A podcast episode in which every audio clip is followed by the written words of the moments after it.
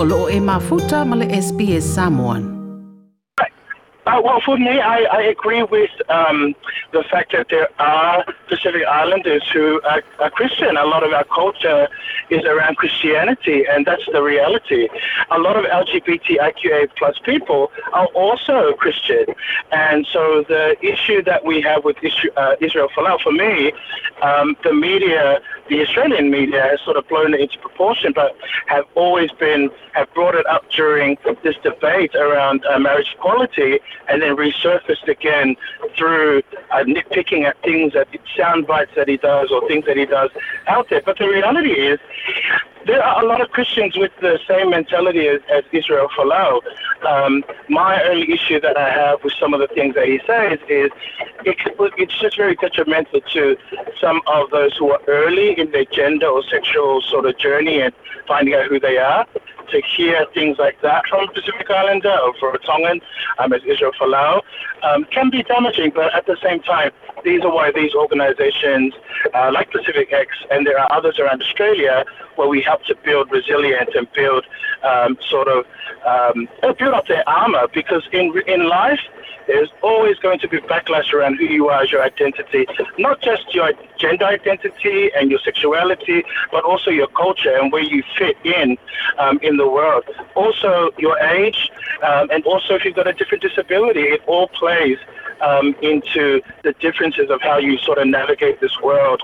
Um, and so for me, with Israel Folau, a normal Christian will say the things that he says, and that's never been, um, we've known that but um, it's just the damaging parts that he does do um, that, uh, that, that he causes.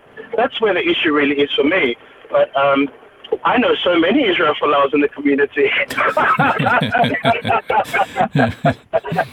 okay, Tony, Tony. Um, my last question is: uh, besides obviously a vaccine to eradicate uh, COVID nineteen, what two things would you most like to see in the world in the next 12 months?